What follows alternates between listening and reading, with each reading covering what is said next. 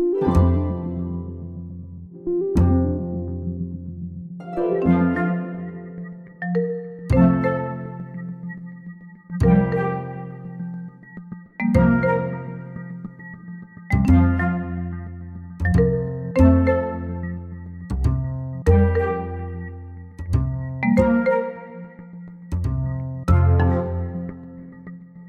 lyssnar på Försäkringssnack, en podd av Svensk Försäkring. Och det här avsnittet handlar om den politiska utvecklingen som är ett kapitel i vår rapport Omvärldstrender 2023. Världen känns lite extra osäker i dessa dagar, både när det gäller ekonomi och politik. Och de grundläggande förutsättningarna som bidragit till långsiktighet och förutsägbarhet har kommit att ifrågasättas och den politiska inriktningen har förändrats. Vi då på Svensk Försäkring ser lite förändringar på områden som pensioner, klimatfrågor, brottslighet och vård och omsorg.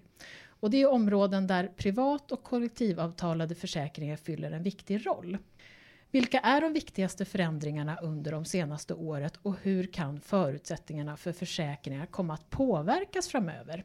Och det ska jag prata med Eva Erlandsson om. Hej Eva! Hej! Välkommen! Vad jobbar du med på Svensk Försäkring? Tack för att jag fått komma hit och prata lite om mitt avsnitt i rapporten. Jag jobbar på Svensk Försäkring med eh, lite olika saker men framförallt pensionsfrågor och eh, sjukvårdsförsäkringen har jag haft mycket att göra med den sista mandatperioden här.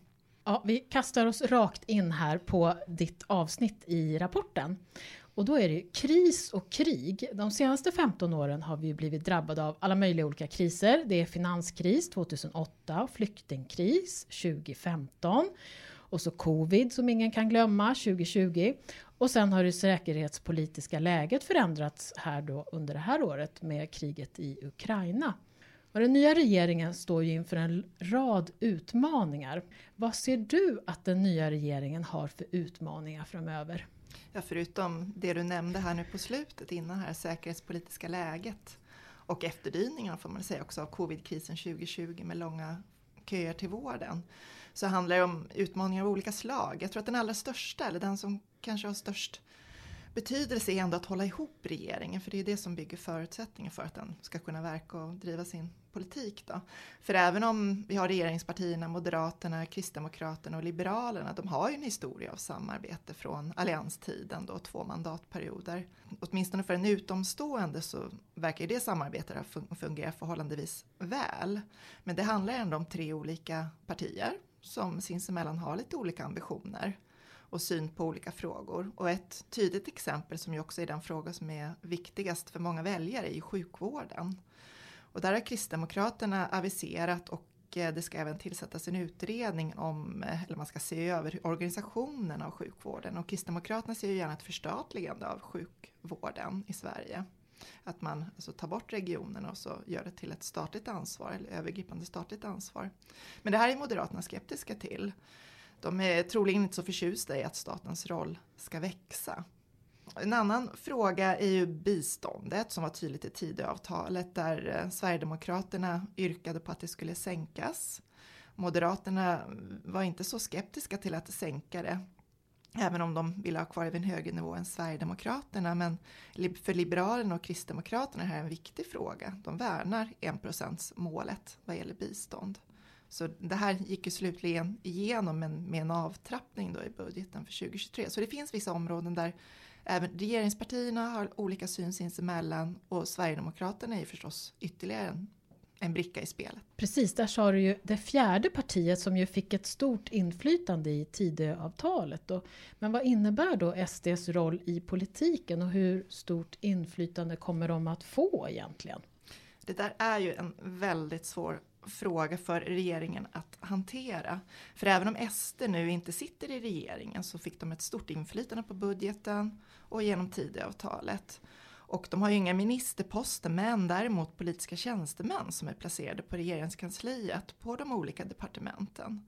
Så de har ju möjlighet att få full insyn i alla de arbetsprojekt som bedrivs på departementen och eh, det här borde kunna göra en skillnad när det handlar om att få igenom sin politik och hur den byggs under och det. När tjänstemännen tar fram argumentation och motiveringar till lagförslag så är det ändå någonting som Sverigedemokraterna, tänker jag mig, kommer att ha insyn i och kunna påverka och vända och vrida på argumentationen. Och det här skapar ju i sin tur spänningar gentemot inte minst Liberalerna och det är en utmaning att hålla ihop regeringen i en sån här situation. Och sen i korten ligger ju faktiskt också att Sverigedemokraterna i många frågor ligger närmare Socialdemokraterna än regeringen. Det gäller det här med förhöjd a-kassa som var en fråga som SD fick igenom att den höjning av a-kassan som vi hade under pandemin kvarstår nu under 2023.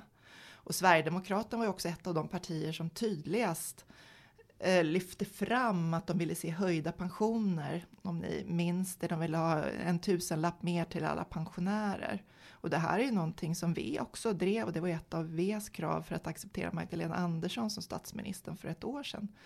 Så eh, en hel del frågor, de här och framöver kan visa sig att Sverigedemokraterna och Socialdemokraterna ligger ganska nära varandra. Och i korten ligger ju där också att de två partierna tillsammans är så pass stora att de kan bilda majoritet i riksdagen. Så rent praktiskt så skulle Sverigedemokraterna och S kunna beställa en annan politik genom så kallade tillkännagivanden i frågor då där regeringen och SD inte kommer överens. Så SD kan utnyttja den här positionen, givet då förstås att de har partier i oppositionen. Att det här låter ju spännande.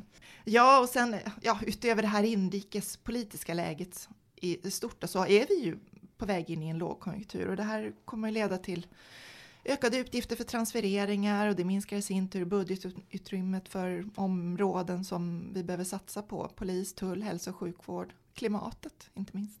Men du nämnde pensioner eh, och det är någonting som jag vet att du jobbar väldigt mycket med.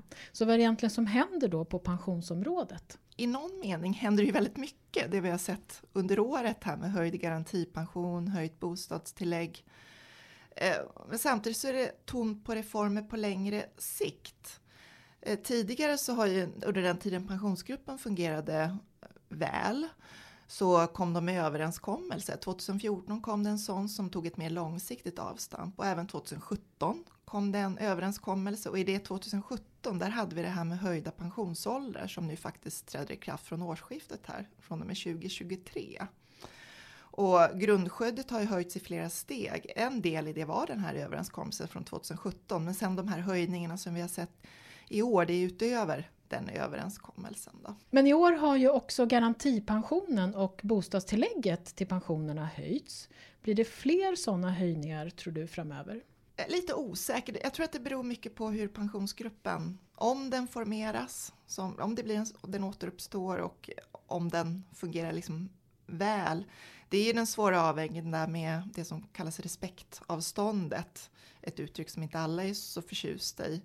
Vad är det? Eh, det är skillnaden då mellan de som har tjänat in sin pension eh, via sitt arbete och de avgifter som har betalats in. Och så avståndet då i pension mellan en genomsnittlig sådan person och en person som får då garantipension och bostadstillägg. Och de här garantipension och bostadstillägg är ju bidrag inom eh, pensionssystemet. Det är en del av grundskyddet som alla har rätt till om man inte har tjänat in tillräcklig pension. Så de flesta är av uppfattningen att det ska vara en skillnad mellan att har jag tjänat in till min pension och det har betalats in avgifter så ska det också synas i att jag får en högre pension.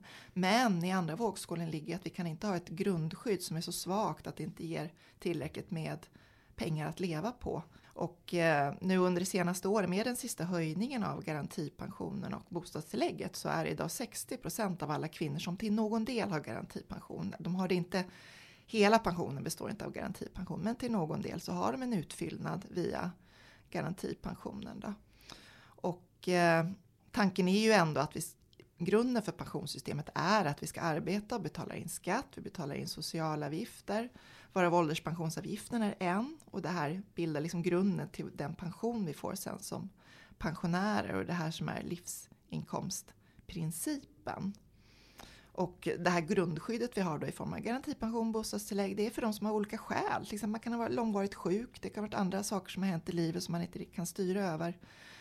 Som har gjort att man inte kunnat arbeta hela livet eller mestadels deltid eller i perioder av livet som man har kunnat arbeta. Men det är inte meningen att majoriteten av pensionärerna ska få sin försörjning från grundskyddet.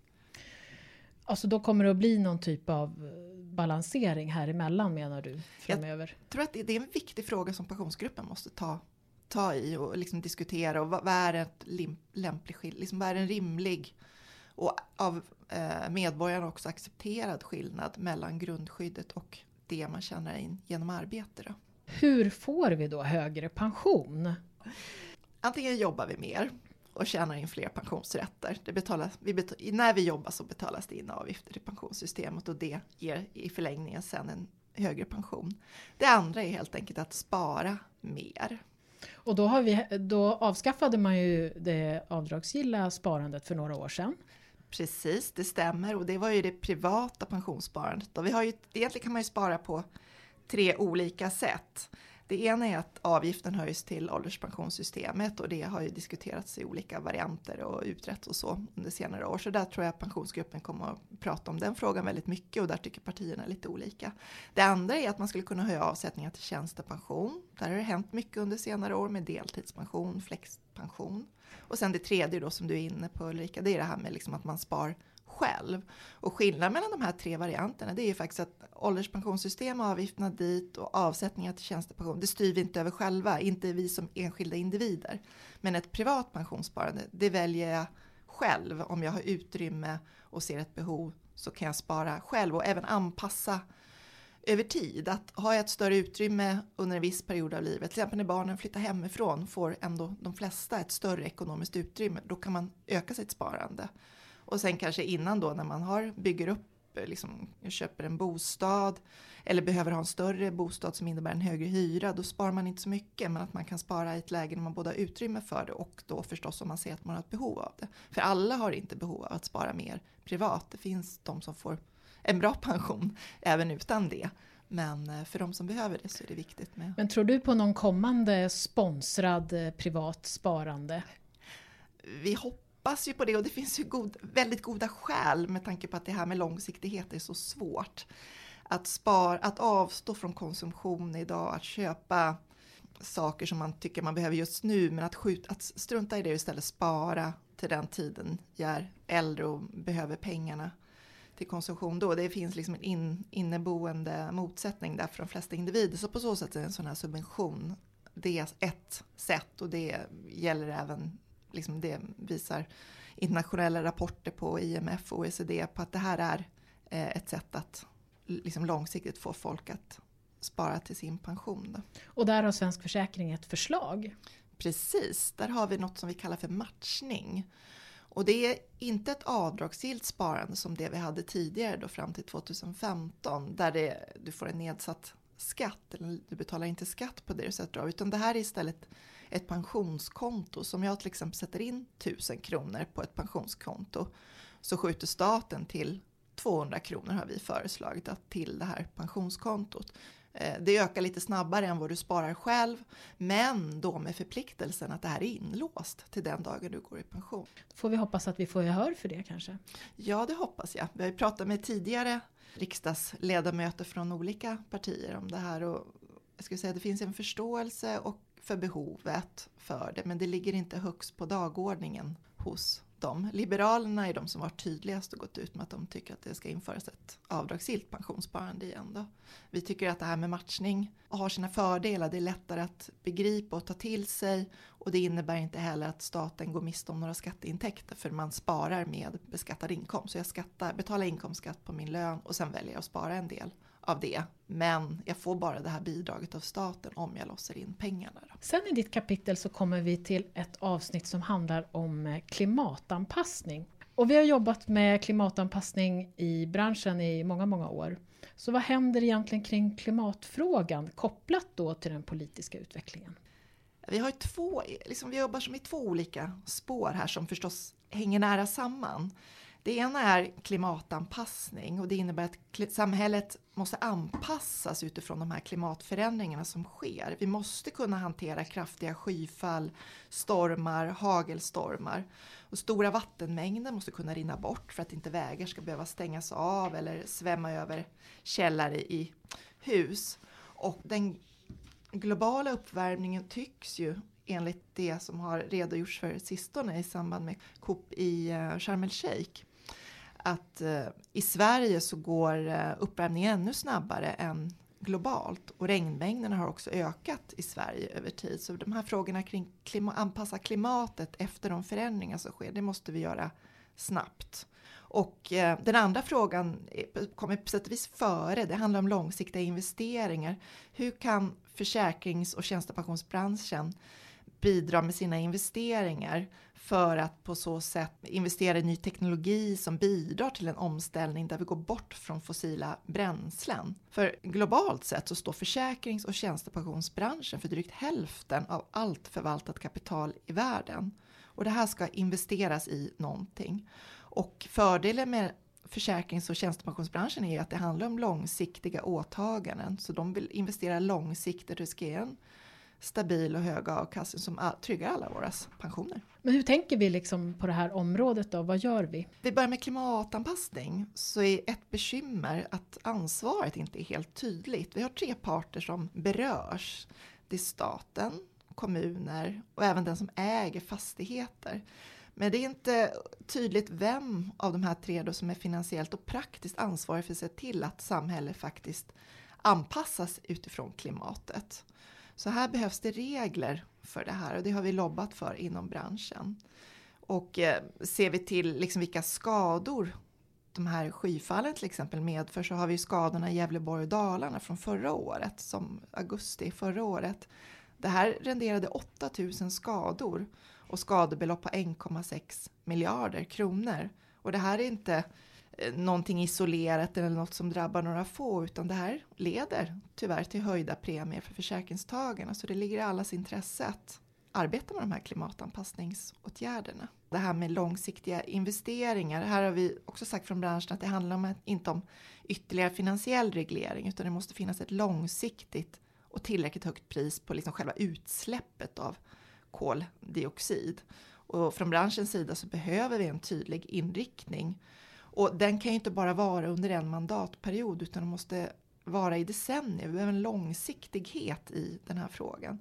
Och bara en sån sak som att bygga kärnkraft som vi har hört mycket av under hösten. Bara planering och byggande och finansiering av det här kräver sig, sträcker sig över flera mandatperioder. Sen har vi ett annat stort område som det har varit väldigt mycket skriverier om och det är ju brottslighet. Och då finns det ett stycke i ditt eh, avsnitt om brottsupplägg och utländska stöldligor. Vad handlar det om? Om vi säger det privatförsäkring gör det är att vi kompletterar samhällets skydd. Vi erbjuder försäkring för egendom, personskador och inkomstbortfall. Och om kriminella nätverk och enskilda individer missbrukar systemet, då handlar det om försäkringsbedrägeri. Och idag uppgår det här till mellan 2,5 och 5 miljarder kronor. Det kan handla om att någon säljer sin bil utomlands och rapporterar den som stulen. Att man överdriver värdet på det, någonting som har skadats eller blivit stulet. Och alla de här bedrägerierna leder också till högre premier för samtliga kunder.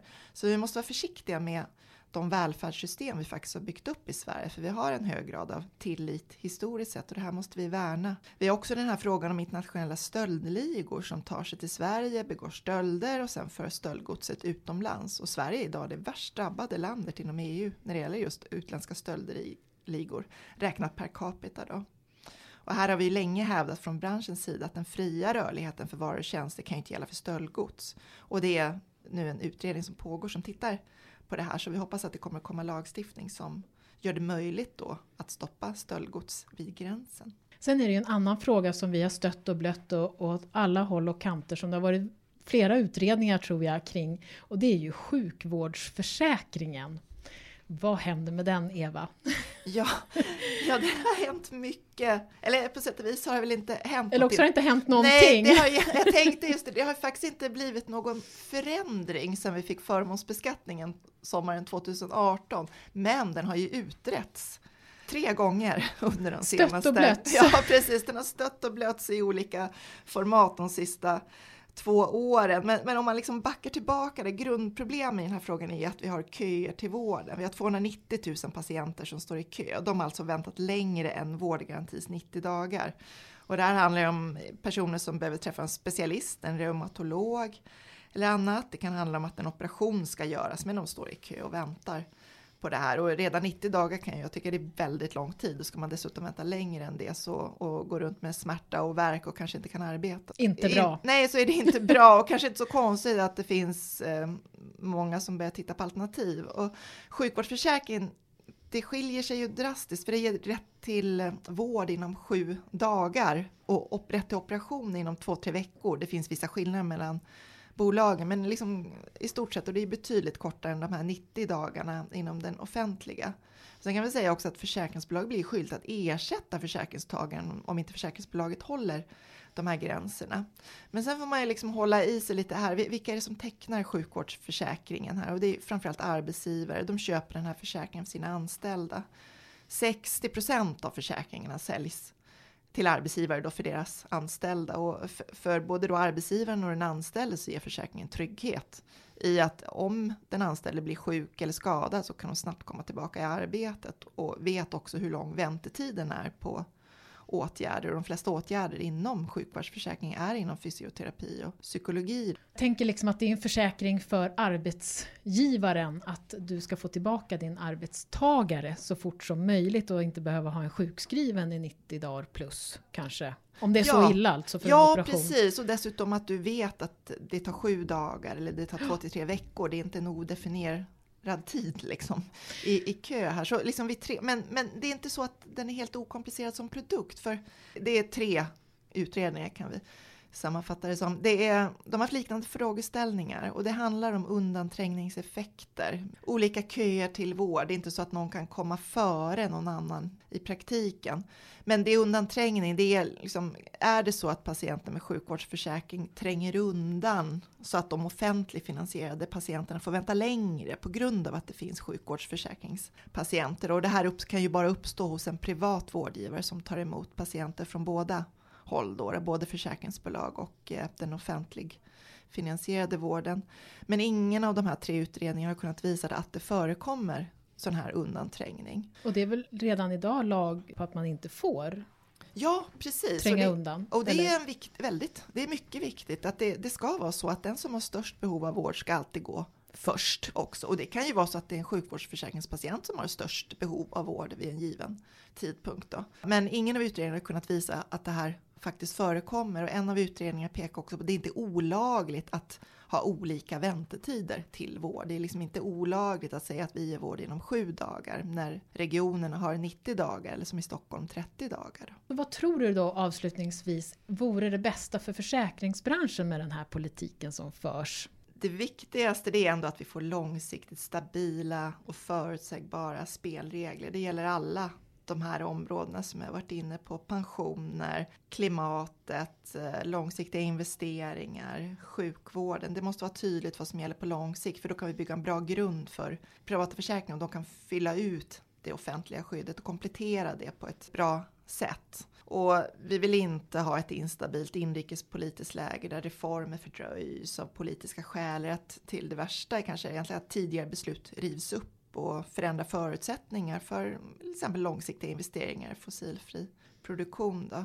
Och sen finns det också en risk med den typen av kortsiktiga politiska utspel som vi har sett under framförallt det här året. Då. Det är att det leder till högre offentliga utgifter som, inte är, som saknar finansiering och det gäller till exempel de här pensionshöjningarna vi har sett i år. För det här någonstans, någon gång kommer det här att behöva finansieras och det finns en risk att det här leder till ett högre skattetryck och höjda skatter på till exempel sparande. Du har lyssnat på Försäkringssnack med Eva Erlandsson, senior ekonom på Svensk Försäkring och mig Ulrika Loob.